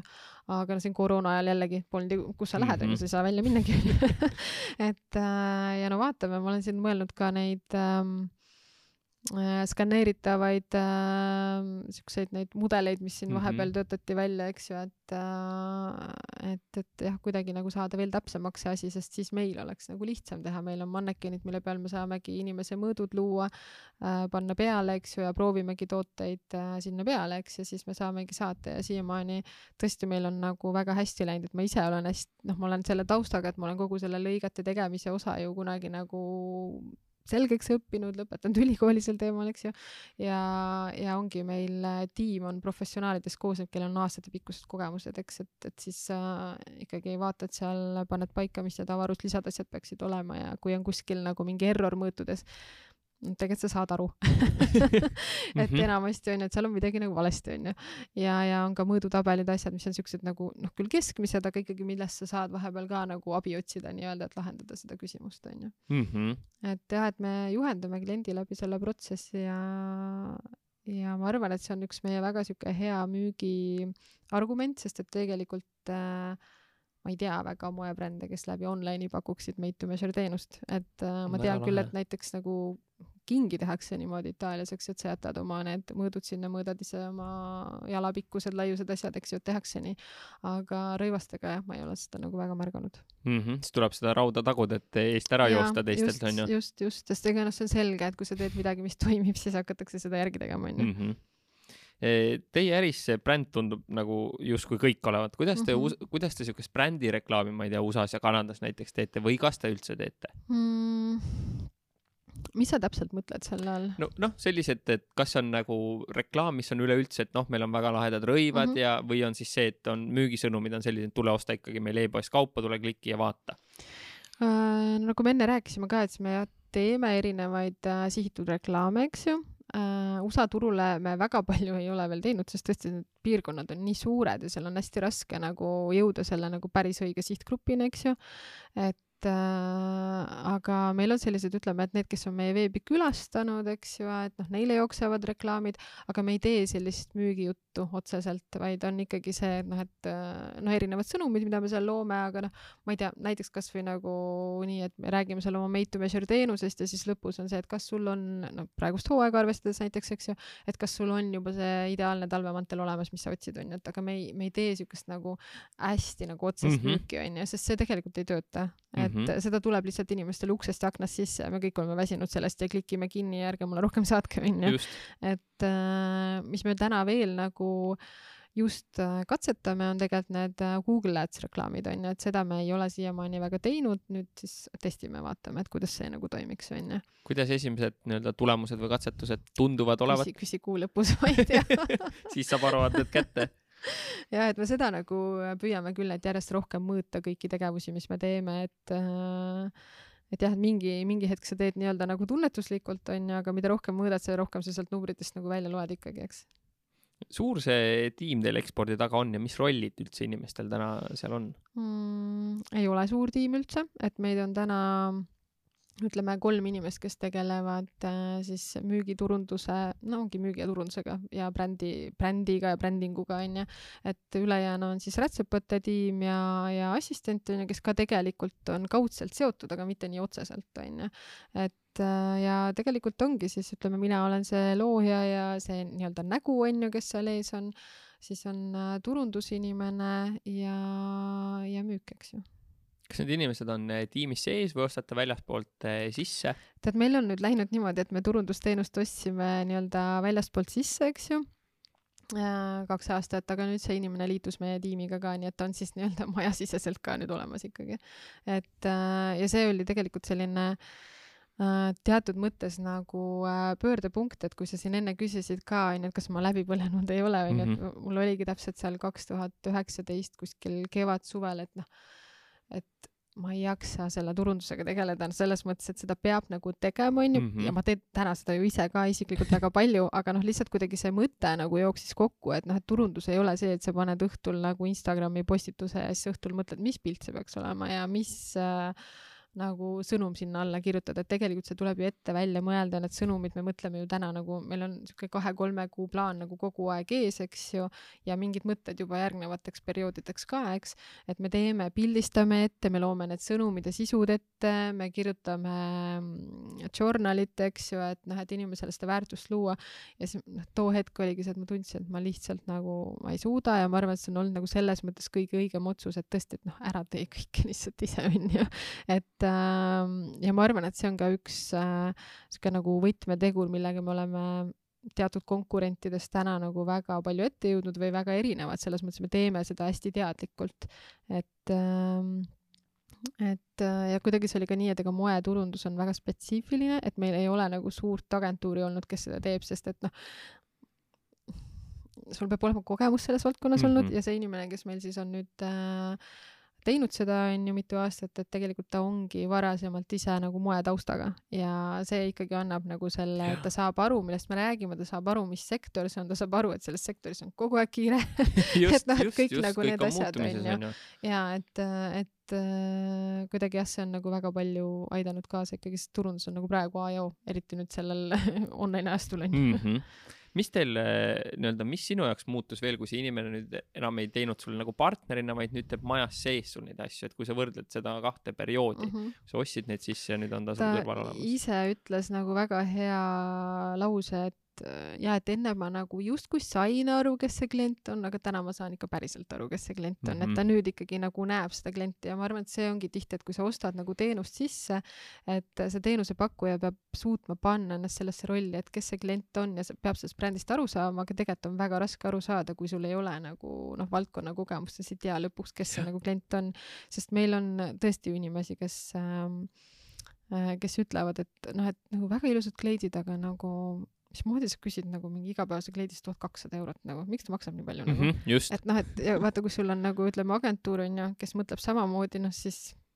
kuidas ta siis teeb seda ja tööd. kui ta ise ei usu sellesse, kuidas ta siis teeb selle läbi turunduse teistele usutavaks. täpselt just onju, et see ei ole nagu võimalik lihtsalt. et äh, jah, kuidagi nagu ma arvan, et tiimis sees on nagu veel, veel nagu mõnusam või saab nagu noh, ta teab kõike, ta näeb kõike onju, et see on palju lihtsam veel mm. -hmm kas see tasu osas ka midagi muutus, kas see arve, mis tuli enne temalt ja see palgafond nüüd, kas see on tegelikult proportsionaalselt suht sama või on nagu kulud tõusid tänu sellele ka? Äh, no mingil määral tõusid, sest nüüd tal on rohkem ülesandeid. Et äh, tegelikult ta ka katab lihtsalt täna kahte funktsiooni onju, et kui ta enne oli nagu turunduse peal, siis täna ta teeb ka nagu ongi brändi ja turundusjuht onju, et selles mõttes äh, jah, asjad nagu muutusid, aga me oleme omavahel kuidagi suutnud selle nagu kenasti klappima saada ja ja noh, ei ole nagu ükski asi nagu kannatanud selles mõttes, et pigem on paremaks läinud kõik.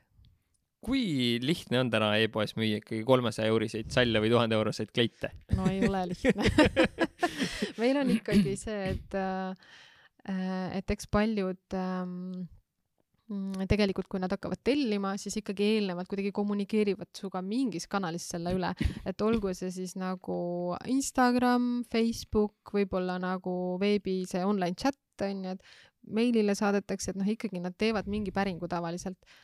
on mingi hulk, kes tõesti lähevad ja tellivad, eks ju, nii et ahah, telliski seal mingi toote, aga, aga ikkagi üldiselt küsitakse kuskil enne üle, et vot oleks nagu kindel, et ma saan õige numbri. et eh, naiste noh, see kahtlus ongi just selles, et kas mul tuleb õige suurus ja noh, see, mida me teeme tegelikult, äh, vahet pole, on see made to measure või on see nagu suurusnumber, et me küsime alati mõõdud enne üle, kui me toote välja saadame. et võib-olla nagu mõnele inimesele tundub see tüütu, siis ma pean mõõtma ennast hakkama, onju. aga noh, paraku on see, et mõned arvavad, et nad on suuremad, kui nad päriselt on, teised arvavad, et nad on väiksemad, kui nad päriselt on ja igal brändil on nagu oma see suuruste skaala, onju, et selles mõttes nagu pigem, et vältida seda, et tooteid saadetaks tagasi, onju, mis jällegi eriti kolmandatest riikidest on meile ka väga kahjulik, onju, et siis nagu pigem me oleme püüdnud seda teha, et äh, me küsime üle ja siis noh, üldiselt ikka on saanud nagu õige number sa mainisid korra seda online chat'i, palju seda e-poes kasutatakse, palju selle kaudu ühendust võetakse?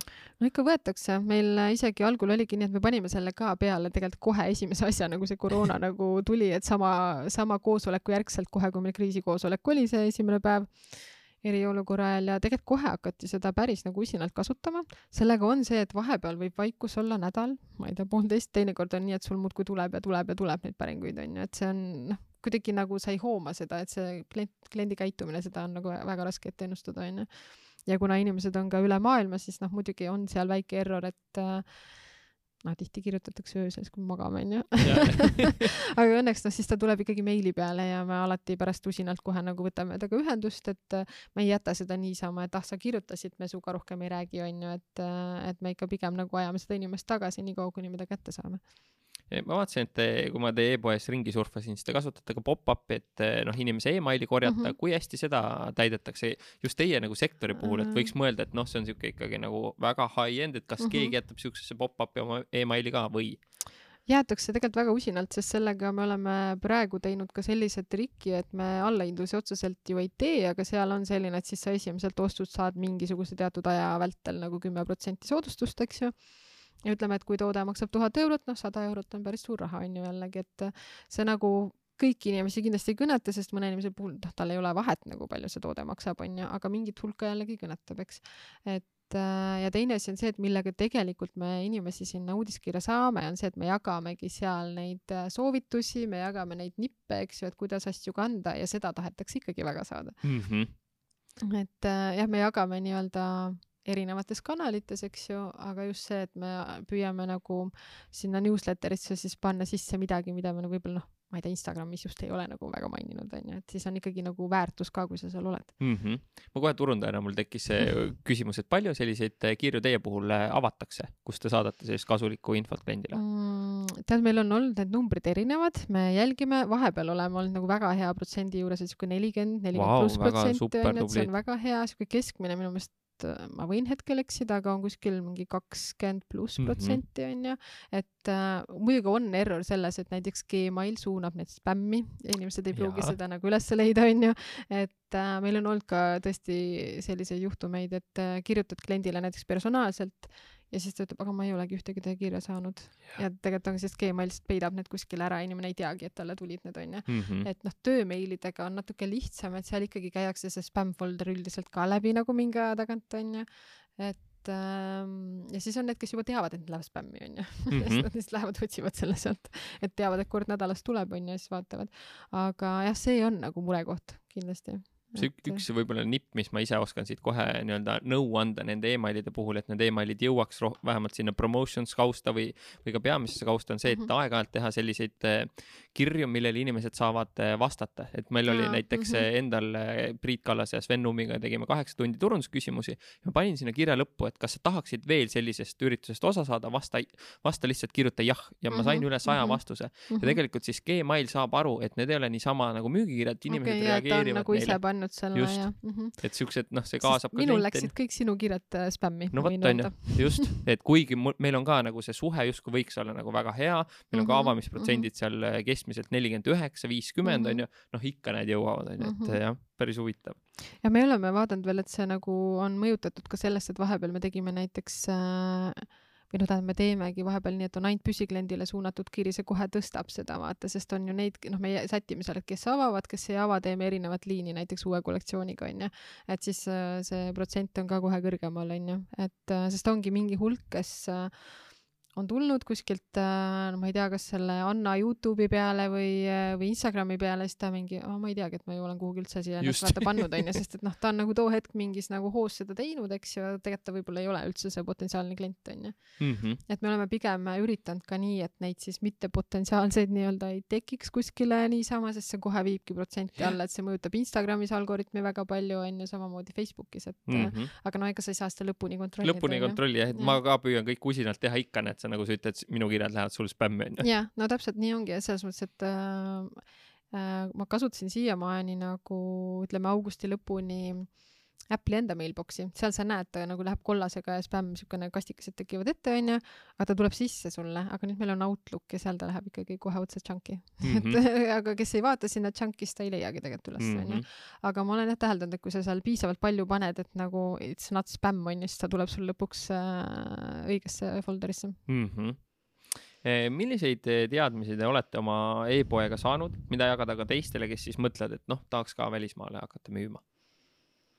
Mm,? ja ma juba rääkisin sellest seaduste rägastikust mhm. mm -hmm., et see on siuke väga karm olnud selles mõttes, et noh, et see nagu nõuab nagu motivatsiooni sellest nii-öelda nagu üle, üle nagu jälle minna.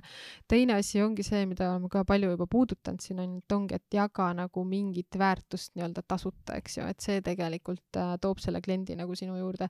et äh, me ikka nägime kohe nagu müügikasvu siis, kui äh, me neid stilistikat hakkasime tegema, sellepärast me ei ole seda kordagi nagu ära unustanud, vaid kogu aeg äh, kõigile ma tuletan meelde, neid me peame edasi tegema, need peavad olema, onju. et ühe või teise nurga alt ja siin meil on ka edasised plaanid juba tegelikult tegelikult äh, võtta siis kasutusele ka Youtube on ju tugevamalt, et kuna just äh, välisklient tegelikult väga palju käib Youtube'ist otsimas how to mm, -hmm. et siis nagu seal näidata neid asju on ju. et noh, see on jällegi see koht, et äh, ma ei ole kunagi tahtnud Youtuber olla, aga tuleb kõike teha oma elus on ju. nii ongi, kui sa ettevõtjana tahad ju müüa ja kasvada on ju ja see on üks osa sellest unistuse realiseerimisest. ja just, mul sellega seoses tegelikult tuli praegu meelde ka see, et äh, sina kuskil podcast'is, äkki see oli seesama Täitsa Pekkis podcast, rääkisid ka, et noh, et sa inglise keelt käisid lõpuks nagu õppisid raamatutest mm -hmm. ja mhm. niimoodi.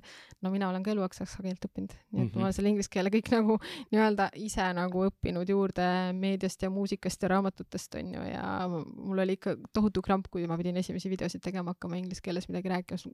noh, et jaa, ma olen nagu vedanud ühte projekti, kus ma pidin ka rääkima, aga see on nagu personaalne suhtlus, aga kui sa pead olema reaalselt kaamera ees, see on nagu hoopis midagi muud mm. -hmm. et, aga väga tubli, et sa selle ära tegid ja selle sammu astud, sest noh, sealt edasi läheb kõik tegelikult ja, lihtsamaks. Läheb lihtsamaks ja, ja sa ju harjud ära ja, ja lõpuks ei olegi nii hull, onju, et võib-olla esimest videot teed seal nagu noh, mitu korda ja nii, onju, aga, aga lõpuks jah, läheb nagu kergemaks, eks midagi veel, mida te selle e-poe tegemise ja, ja turundamise ja arendamise juures õppinud ja teada saanud olete? Meil näiteks väga hästi jällegi mõjus, vot jällegi selline sarnasus Iglocraftiga, et äh, tegelikult meile toimis samamoodi või on väga hästi toiminud müügile kasulikult hinna tõstmine et see tundub võib-olla nagu jabur, sest meie mm -hmm. toode on kallis, aga kuidagi ilmselt siis inimese jaoks see balanss läks nagu paika rohkem või ta saab päriselt sellest väärtusest nagu aru, onju.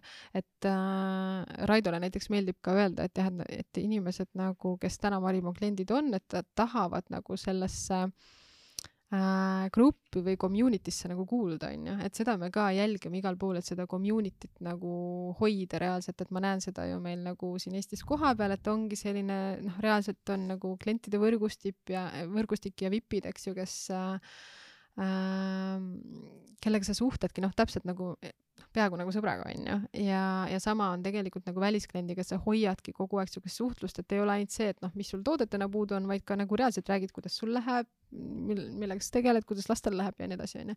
et see jah, et seda me üritame seal nagu noh, jällegi kõikides kanalites, onju. et see tegelikult viib inimese sinna e-poodi ja siis ostuni, onju. et äh, väga paljud püsikliendid, kes näiteks tellivad ah, ärkad hommikul üles, nii tore on tulnud vaata tellimus e-poest, eks ju. Noh, tegelikult sellel on eelnenud kuskil Whatsappis või Instagramis või kuskil nagu chat, eks ju, et äh, see väga tihti on nii kuidas te seda välismaal kogukonda hoiate, et ma ei tea, kas teil on üks keskne koht, ongi Stilistika Akadeemia, kus need kõik inimesed ka kohal on, kuskil foorumis või mingi Facebooki grupp või kuidas? see on äh, jaa, see sarnane või noh, ütleme, et see on üks selle plaani osa, mida me tahame luua veel onju mm -hmm. juurde aga hetkel on pigem jah, sihuke nagu ütleme, et siis nagu, kus me oleme seda kõige rohkem ehitanud, on siis nagu Instagrami community. et et äh, lihtsalt ongi need follower'id, nendega suhtlus, et äh, see konto oleks nagu engaged onju, et noh, et seda me seal nagu hoiame ja jälgime.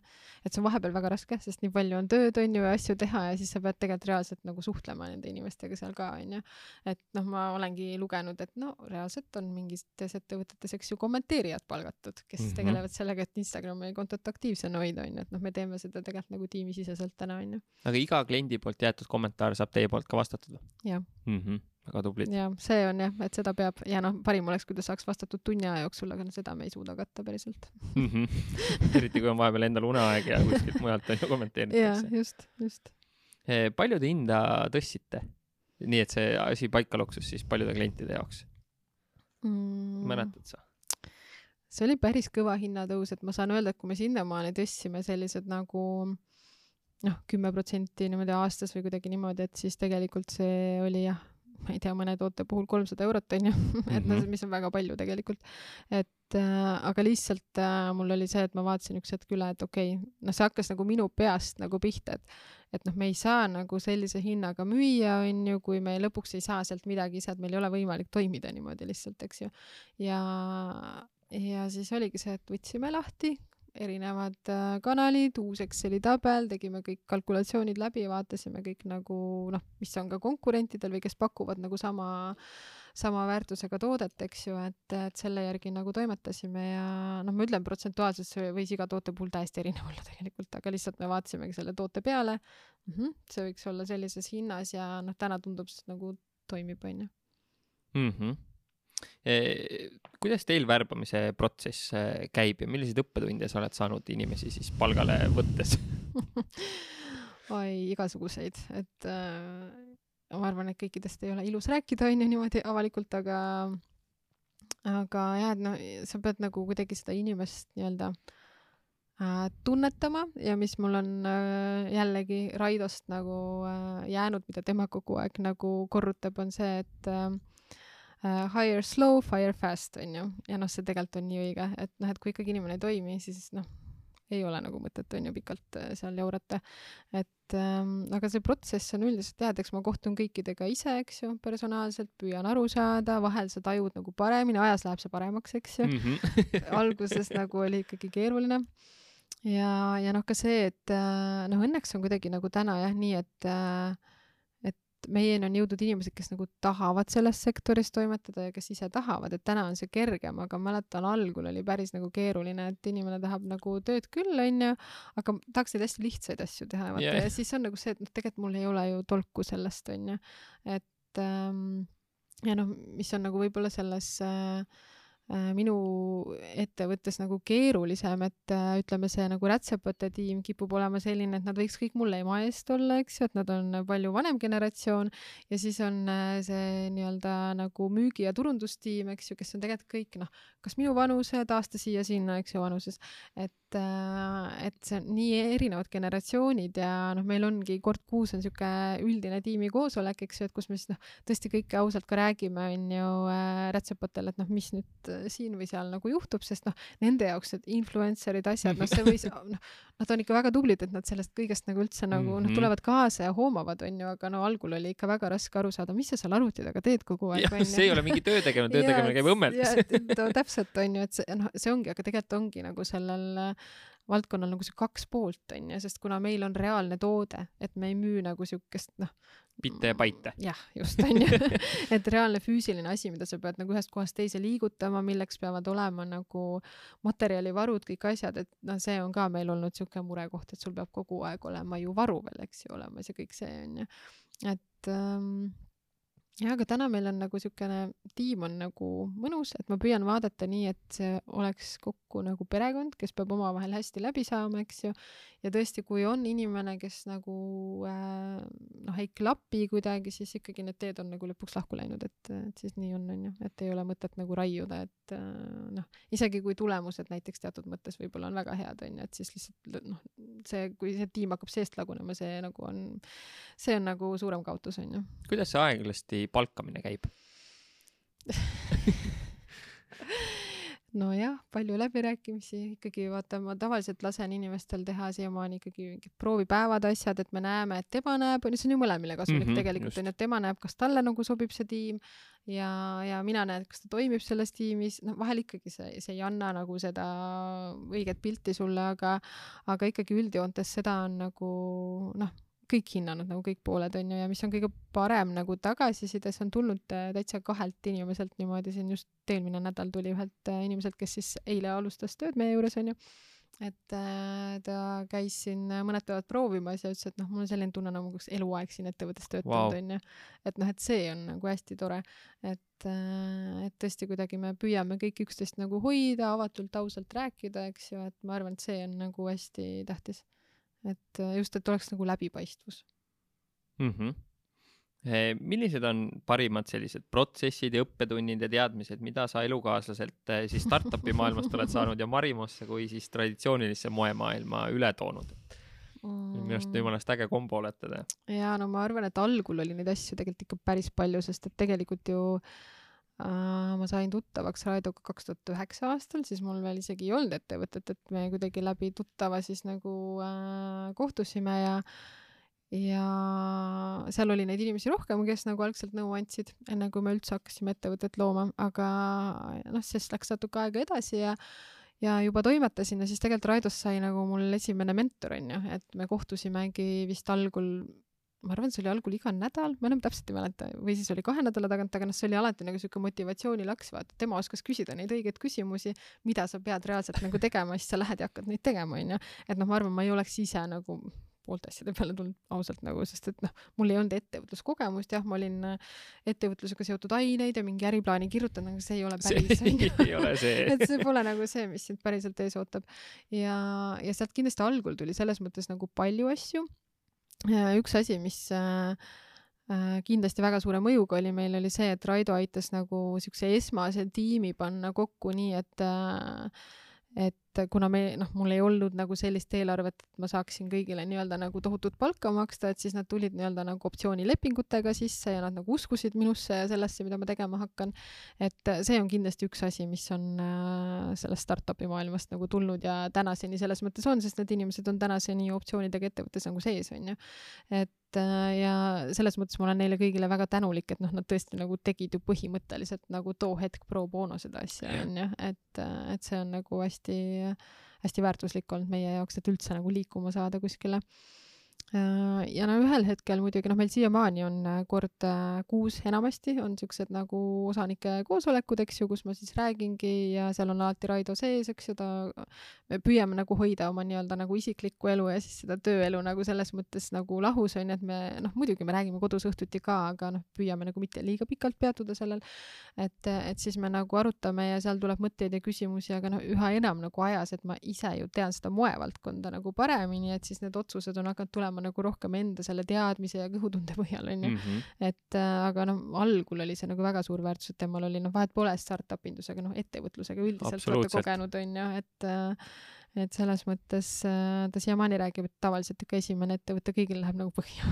jah, aga sinul ei ole läinud siiamaani ei ole läinud, tui-tui-tui mm. -hmm. et kui, kui oluline roll tegelikult on äh, mentoritel või inimestel, kes meid sellistel hetkedel, eriti kui me alustame, toetavad, onju. just, just, et selles mõttes äh, noh, kasvõi nagu võtame, ma ei tea, just nagu numbriline pool on ju, et see kogu planeerimine nagu, et mis sul need eelarved peavad olema ja, ja seda on ikka väga raske, eriti nagu selles mõttes seesama meie nagu sektor, kus me müüme nagu lõpptarbijale, lõpptarbija käitumist nagu väga keeruline planeerida selles mõttes on ju, et mis meil täna nüüd ongi seda kõike jällegi teinud ettevõtte nagu äh, seisukohast vaadates nagu äh, mõnusamaks, ongi seesama, see kapselkollektsioon, et me müüme ka seda nii, et äh, mitte, et inimene ei pea seda nagu täissummas kohe välja maksma, vaid ta maksab ka igakuise tasuna, onju.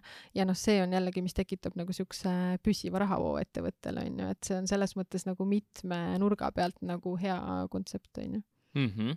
kas Raido on äh, sind ka pannud Togglit kasutama, nagu ta mind pani? ei ei, ei ole õnnestunud sind millised eh, kaks eh, olulist küsimust mul jäi küsimata, mis oleksid ekspordi võtmes um,?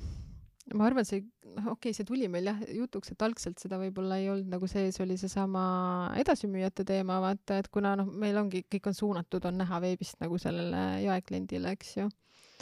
ja ma ei teagi, nii palju teemasid sai kaetud okay.. kuule, aga kuskohast nüüd, kui mõni mees mõtleb, et tahaks oma naisele siis ikkagi nagu väga head kingitust teha ja sinu juurde saada või siis mm mõni mhm. naine tunneb, et eh, vot see on nagu see koht, et eh, kuhu ta minna võiks, kus te, kus kanalitest olemas olete, mis mm -hmm. nimedega te seal olete äh,? Marimo Fashion kõigis kanalites ja kõige lihtsam ongi marimofashion.com ja, ja sealt leiab kõikidesse teistesse kanalitesse ka tegelikult ligipääsu kohe mm. -hmm ja Mari-Liis, sulle suured-suured tänud, et sa jagasid eh, sellist kogemust ja teadmist ja ma loodan, et eh, sa oled, eh, sa kindlasti oled teel, aga et sa ühel hetkel oleks siis tõesti nende moemajade tipus seal.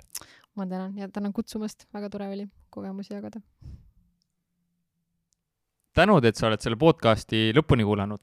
enne kui sa ära lähed kui sa tahad korralikult läbimõeldud veebilehte, mis aitab sul müüki kasvatada ja oleks siis heaks eelduseks, kui sa tahad minna välisturgudele, või sul on mõni muu turundusalane väljakutse, siis äh, mine lavi.ee ja vaata, võib-olla saame sulle abiks olla.